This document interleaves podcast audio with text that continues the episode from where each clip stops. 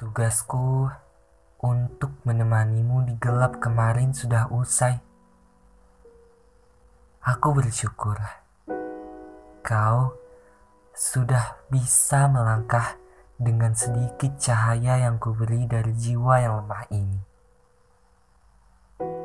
Aku pergi, tetaplah seperti itu, hingga kau sampai di tempat tujuan. Dan ya, sekarang giliranku untuk memulai pengembaraan, mencari mimpi-mimpi yang selama ini disembunyikan oleh air mata kesedihan.